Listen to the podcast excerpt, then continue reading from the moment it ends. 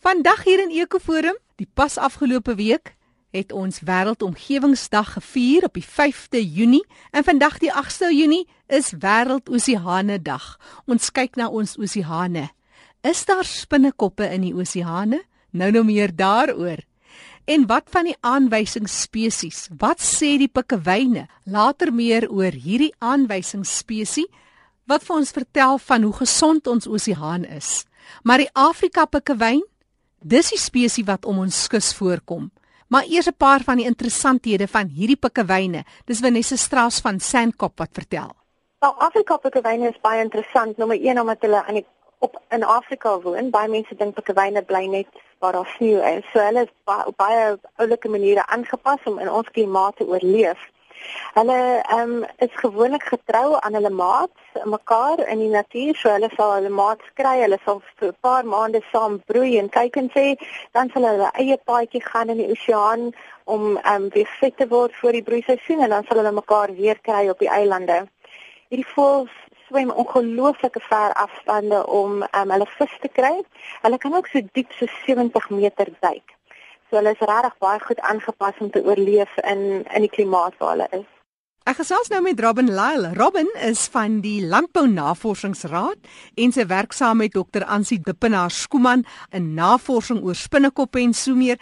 Robin, vandag is Wêreldoseane Dag. My vraag eenvoudig aan jou: Is daar spinnekoppe in die oseaan? In die oseaan self is daar glad nie spinnekoppe nie, want dit is net water, maar ons is baie gelukkig. Ons het baie spesiale spinnekoppe wat in die tussengetye sone bly.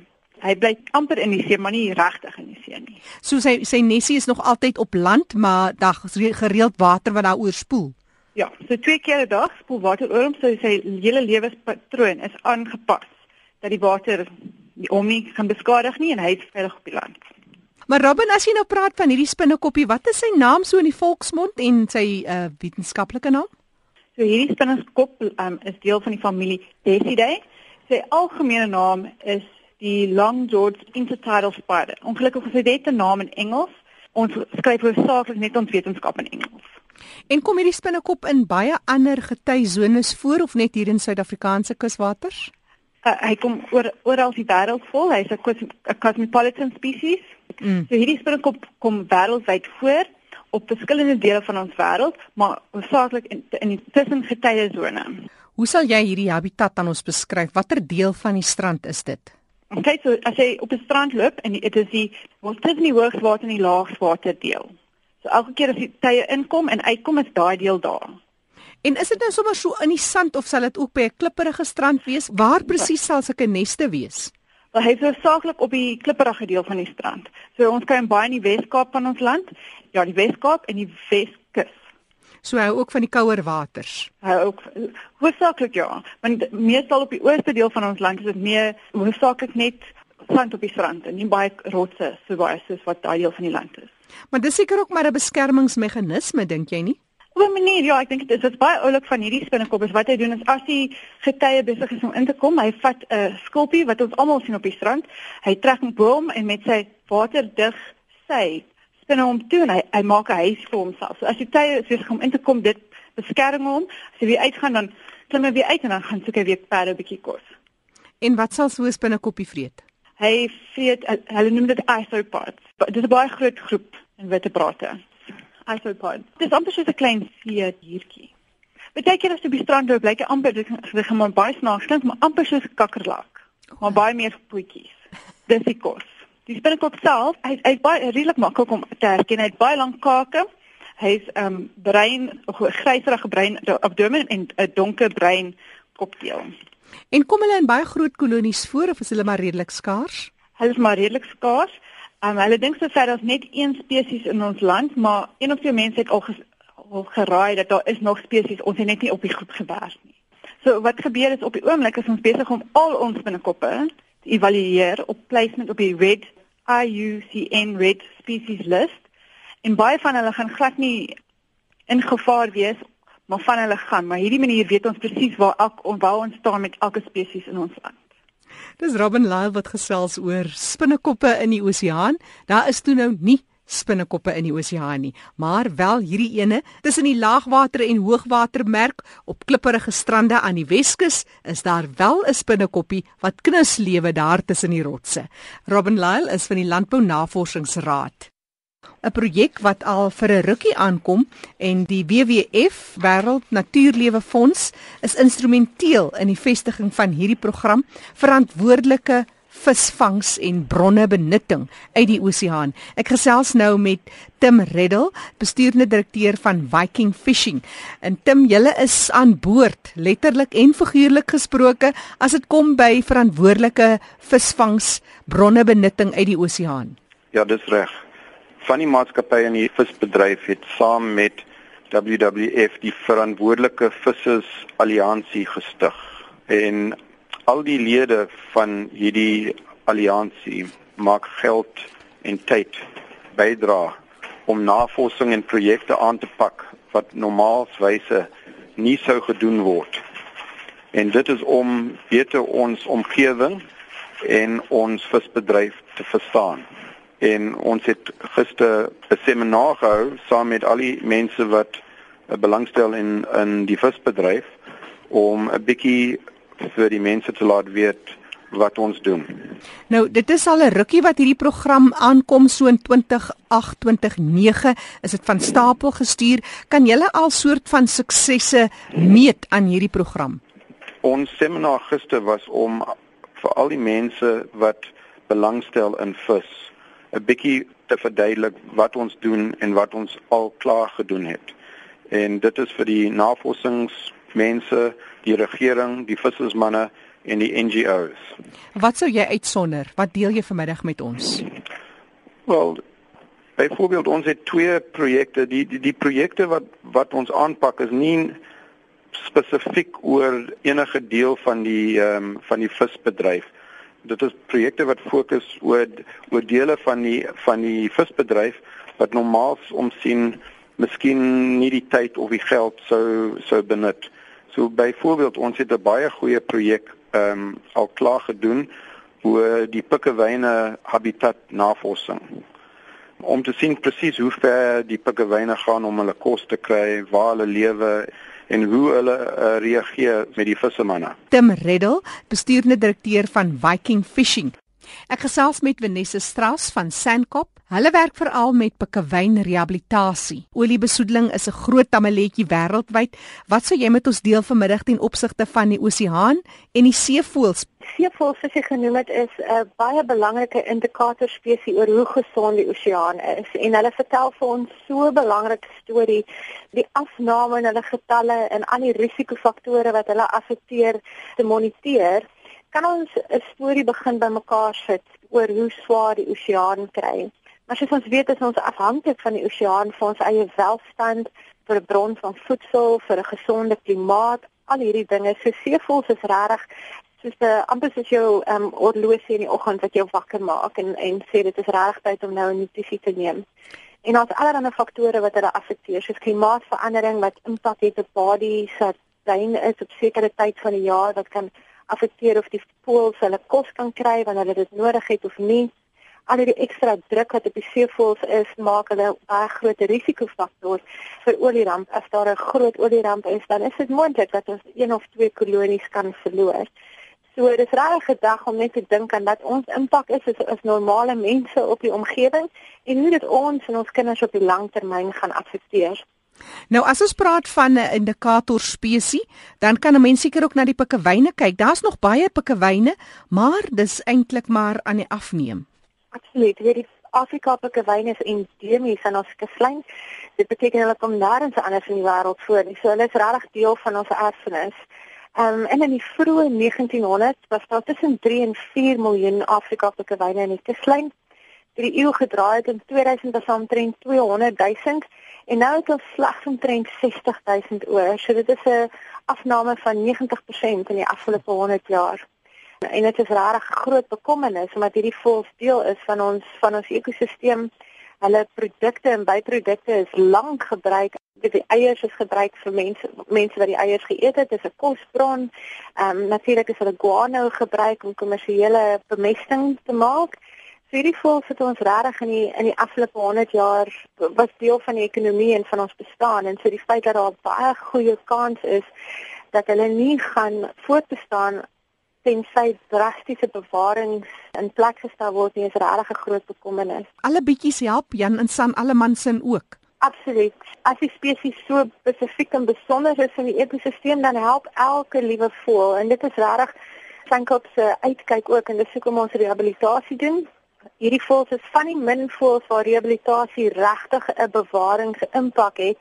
Um, en ons weet dat die voëls wat gerehabiliteer word na olierampe of die kuikens wat ons met die hand grootmaak, het 'n uitstekende kans om te oorleef in die natuur en by te dra tot die natuurlike populasie. So om elke voël wat moontlik is te kan red is definitief een van die uh dinge wat ons kan doen om hierdie voëls te bewaar. Jy werk al lank met pikkewyne, wat het hulle jou geleer? hulle is baie taai. Uit jou vermoë. Hulle is regtig taai spesies. Ek dink dis hoekom hulle trots het op Afrikaans het van hulle is regtig taai. Hulle het 'n fight in hulle wat regtig bewonderingswaardig is. Dit het my geleer dat selfs ek op my klein manier iets kan doen om te kan help. Ehm um, dit is een van die dinge wat as vrywilligers hier kom help of mense wat met pikkewyne werk, hulle stap aan die einde van die dag hier uit en sê baie mense sê vir die eerste keer in my lewe voel ek ek het regtig iets belangriks beteken. Ek het regtig iets gedoen wat 'n verskil maak. So ja, hier is 'n geleentheid om 'n verskil te maak en ehm um, dit is baie spesiaal. Nou jy het wonderlike projekte van neem 'n pikkewyn aan tot net kom mm. voels kos gee, tot sommer net kom kyk wat gaan daar aan. Jy kan hoef ook nie betrokke te raak nie, maar net 'n bewusmaking wat gekweek moet mm. word. Mm. Wat staan mense te doen wat met julle wil kontak maak? Een van ons baie suksesvolle programme is om 'n pikkewyn aan te neem, die Adopt the Penguin program. Dit kos ons omtrent R500 om 'n pikkewyn te rehabiliteer en so mense kan 'n pikkewyn dan aanneem en basies gebruik ons die fondse om ons werk voort te sit. Ehm um, dit is 'n baie oulike program waar jy sertifikaat kry en jy kan jou pikkewyn 'n naam gee en jy kry 'n storieetjie oor wat met 'n pikkewyntjie gebeur het voordat hy weer vrygelaat is. Ons het ook ehm um, baie oulike opvoedkundige programme mense is welkom om toere te boek om na Sankop toe te kom. As mense enigiets meer oor ons doen en later wil weet, dan sal hulle welkom om ons webwerf te gaan. Dit is www.sankop.co.za. Ehm um, alles aktiwiteite is ook op ons Facebook bladsy wat Sankop Save Seabirds is.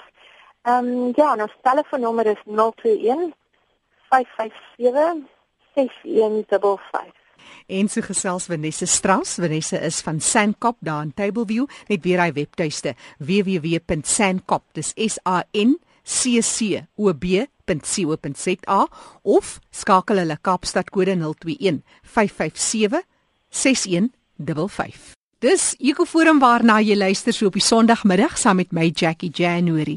Ek gesels nou verder met Tim Reddel.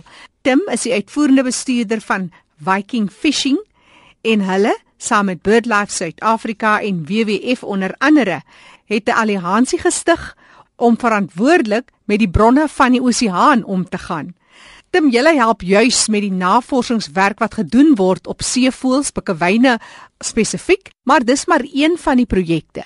Ehm, 'n um, ander projek wat ons mee besig is is om beter te verstaan wat die byvangs in die visbedryf is. Watter ander soort visse ons nou vang saam met spesies wat ons nou eintlik voorsoek en om te sien hoe ons dit nou beter kan uitdeel om seker te maak dat daar nie te veel vis uit die see gevang word. Dit gaan oor die visbedryf in sy totaal. So of dit nou vir vir kleinskaal vissemanne of grootskaal vissemanne indruk het, dit maak nie vir ons saak dit is vir ons belangrik om die regte navorsing te doen in die bedryf. En die probleem is daar is nie genoeg geld en daar is nie genoeg tyd om al die navorsing klaar te doen. So 'n paar van ons maatskappye het nou dit as 'n projek aangepak om te sien of ons nie kan help om hierdie projekte wat miskien 'n bietjie agterblewendig is om hierdie projekte klaar te te maak. Mm, dis interessant. Jy praat van byvoorbeeld die byvangs, een van daai projekte wat gekyk word na die vis wat gesoek word, maar die vis wat in die proses ook gevang word. Wat is van die interessanthede wat hier uitkom? Is daar baie ander vis wat nie tradisioneel nie in ons waters voorgekom het nie? Enige iets in die opsig wat in die oseaan aangaan?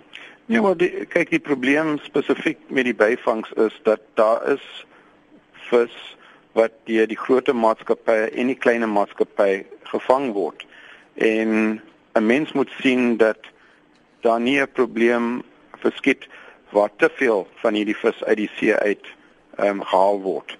So die projek het spesifiek gegaan oor om te kyk waar die verskillende visvangmetodes hierdie vis gekry en hoe ons dit nou kan uitdeel om seker te maak dat die klein mense, die groot mense en almal ehm um, genoeg sal hê en ook nie 'n probleem sal veroorsaak vir ons kinders eendag dat hierdie vis nou ook sal verdwyn soos wat van ons uh, van ons bronne het verdwyn soos byvoorbeeld die die 74.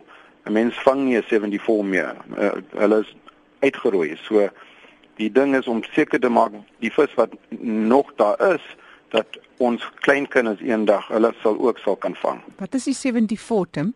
Dit is 'n vis soort wat 'n mens in die uh vroeë 1900s daar was baie van hulle maar hulle is is meestal uitgeroei. 'n Baie belangrike aspek waarvan jy praat dat dit hou vir ons nageslag vir ons kinders en julle het die sessie 'n projek ook van stapel gestuur. Vertel ons net baie kortliks hieroor vir Jan en San Alleman te verseker dat jy die regte vis by spyskaarte sien en indien nie onseker is, vertel ons net oor die projek. Die sessie projek dit is 'n projek van WWF. Ja. Maar ons uh glo dat hierdie projek is 'n uh, verskriklike belangrike projek is om seker te maak dat die mense wat vis wil koop die inligting het teen hulle beskikking om seker te maak dat hulle dat hulle die regte keuses maak. So wanneer 'n 'n vis ehm um, rooi gemerk is, bedoel dit dat 'n mens moet eintlik dit nie koop nie omdat die aankoop van hierdie vis sal seker maak dat daar nog vorentoe groot probleme gaan wees. Maar wanneer 'n mens 'n vis koop wat op die op die groen lys en tot 'n mate op die oranje lys is, dan is dit nie noodwendig 'n probleem wat vorentoe gaan verskiet vir die vir die vir die bedryf met wêreldoseane dag wat vier word hier in Junie maand as 'n maatskappy wat al hulle bronne moet tog uit die oseaan uitkom. Wat is van die interessanthede wat jy opmerk die oseaan se toestand as jy gesels met die mense wat fisies uitgaan op die waters, wat sê jy met ons deel? 'n Paar dinge. Ek sou sê die Suid-Afrikaanse visbedryf is in 'n redelike goeie toestand as 'n mens dit vergelyk met ander dele van die wêreld. So ons het 'n goeie toekoms. Die probleem is net ons moet seker maak dat ons hierdie goeie toekoms dat ons dit nie benadeel. So elke dag moet 'n mens net 'n bietjie meer werk om seker te maak dat ons dinge beter doen vir môre. Die ander probleem wat ons het wat nou nie ehm um, oor uh Oceane dag gaan, maar jy vra van van ons Suid-Afrikaanse ehm um, visbedryf. Dit is seker ook een van die moeilikste visbedrywe in die wêreld. Ehm um, 'n mens sal sien nie weer wat ons op die oomblik het om bote en skeide buite te hê op die oomblik. Dit is 'n verskriklike moeilike omstandighede om in te werk. So dit is eintlik een van die mees moeilike bedrywe vir vir mense in Suid-Afrika is om op die see te wees. Ehm die visserbedryf in Suid-Afrika is relatief klein. Ons maak 'n baie klein uh impak op ehm um, die Suid-Afrikaanse GDP. Maar daar is uh ten minste 20000 mense en hulle gesinne wat ehm um, 'n lewe maak uit visvang. So dit is nie uh vir vir vir werks ehm um, geleenthede is dit 'n belangrike deel uh spesifiek in die in die gebiede wat langs aan die see is. Ehm um, so gesels Tim Reddel. Tim is uitvoerende bestuurder van Viking Fishing en ons het bietjie gekyk na verantwoordelike benutting van bronne uit die oseaan. Vandag 8 Junie wêreld oseane dag. En nou meer oor die rol van die oseaan en hoe ek en jy 'n verskil kan maak en 'n bydrae kan lewer vir 'n beter en gesonder oseaan. Dis Mariana Tomelin wat gesels en sy is 'n kuslyn en riviermondkaart tegnikus. Lang naam, ons het nou so vry vertaal, maar wat julle in kort doen is julle kyk na die kuslyn van Suid-Afrika en dan ook na die riviermondings. Basies moet ons kyk hoe die veranderinge gebeur oor die jare. Ons het baie interessante um, ligfoto's, meestal van Natal, vergelyk dit met wat nou daar is. So ons kan sien min of meer hoe die kuslyn verander het hoe die hoogwatermerk geskuif het en die groot ding is die om die riviermonde gebeur baie interessante dinge. So basies ek het al daai ou kaarte ge geneem en gesien hoe mense daar begin bly en ontwikkel om die riviermonde. Wat is van die interessanthede wat jy opmerk? Ons het nou baie interessant, ons het nou 2007 was hier nou 'n groot storm. Die strande om om Slanga, die hele soort of promenade het heeltemal weggespoel. My groot ding is die mense ontwikkel reg langs in die 100 meter zones ontwikkel hulle hulle huise en op op die strande. Natuurlik is daar wette wat dit voorkom, maar mense doen nog steeds die aktiwiteite reg op die op die kuslyn en natuurlik ook om die by die riviermond wat belangrike faktore is. Ja. Mense besef nie eintlik nie want met, ek dink die mense dit is baie kortsigtelik. Hulle dink nie in die, in die toekoms nie wat vir jou kinders en jou kleinkinders hoe dit gaan lyk eendag. Ek het nou foto's gedoen van 'n van 'n area om om 'n man in Touty en dit het in 37 is heeltemal 'n ander prentjie as wat dit nou is. Dis eintlik baie interessant om so terug te werk en dan te sien hoe dinge verander het. So byvoorbeeld hulle die um, groot snelweg gebou daar by 'n man in Touty en toe daar skielik sien ek op die stadium in die 70s maar dinge is heeltemal anders hierso en te besef ek dit is die snelweg wat ingesit is en die rivier natuurlik die water is minder en is is eintlik baie interessant. Maar wat is die rol eintlik van die oseaan en net vir elke dag se gebruik van 'n in, interessanthede wat sonder jy uit? Ja, ek dink iemand baie baie interessant dat ek dink die mense besef dit nie, maar die oseane verskaf suurstof. En omtrent is dit nou gelees dat omtrent 2/3 van die wêreld se suurstof word deur die oseane geproduseer. En dit is natuurlik jou phytoplankton, jou fitoplankton wat vir jou basies die koolmonokside opneem en dan suurstof vrystel. En ons wil dan as ons voel dink ons moet eerder maar die bome en so ehm um, bewaar, maar ons besef nie dat dat ons eintlik ons suurstof ook van die oseaan kry of 'n groot gedeelte van ons suurstof kan kom van die oseaan. En ons kan ons self indink jy skielik moet ons nou net ophou asemhaal want daar is nie meer suurstof nie. So dit is eintlik 'n baie groot aspek wat ons nie al aan dink nie as jy nou dink aan die oseaan. En jy praat nie hier net van mense wat daar rondom die kus bly nie. Dit het 'n impak vir die hele wêreld, vir almal. Ja, ja, ek dink so en ek dink as ek as as nou soos nou opgelees vandag, as dit 2/3 van die suurstof word deur die oseane geproduseer, so dit is eintlik 'n baie groot gedeelte. So as ons begin die die oseaan net bemos en besoedel dan sal dit eintlik 'n ander storie wees. Besoedeling is 'n groot aspek. Dit is 'n kwai tamaletjie waarmee ons sit. Ja, ja, dit is ongelooflik. Ons het nou net gepraat van het gedink aan plastiek. Plastiek is is is een van die grootste ehm um, bronne van besoedeling in die see wat hulle nou al gevind het, wat nou studies gemaak het. Hulle het nou al stukke plastiek wat so ge, wat so gedryf het, het hulle mense gevolg en dit selfs tot by Antarktika het hierdie plastiek al opgetel en stukkies gekry en so. Omdat plastiek so lig is en is is baie duursaam, durable kan dit baie baie lank in die oseaan bly. Ek het nou so 'n kaartjie vir my waar gesê het byvoorbeeld 'n sak wat jy na nou jou winkels toe gaan, mm -hmm. kan amper tot 20 jaar vat om om op te breek in die see. En hierdie plastiek koppies, daai koppie vat omtrent 50 jaar om te basies te op te breek. En dan praat ons nou nog nie nog van die skade wat dit in sekere spesies gedoen het, die verstrengel raak party voels, party ja. raak verstop en al sulke goed. Ja, en, en vir al die die haie, die die plastiek gaan so om hulle keer en om hulle nek en dit verwrig hulle die um, die plastiek. Dis nie net die hierdie sakke en goed wat jy sien nie, maar daar's ook ons nou hierdie groot ding wat as jy nou jou seep wat jy jou jou jou shower gel, daar's 'n klein bolletjies is exfoliate en jouself te skrob.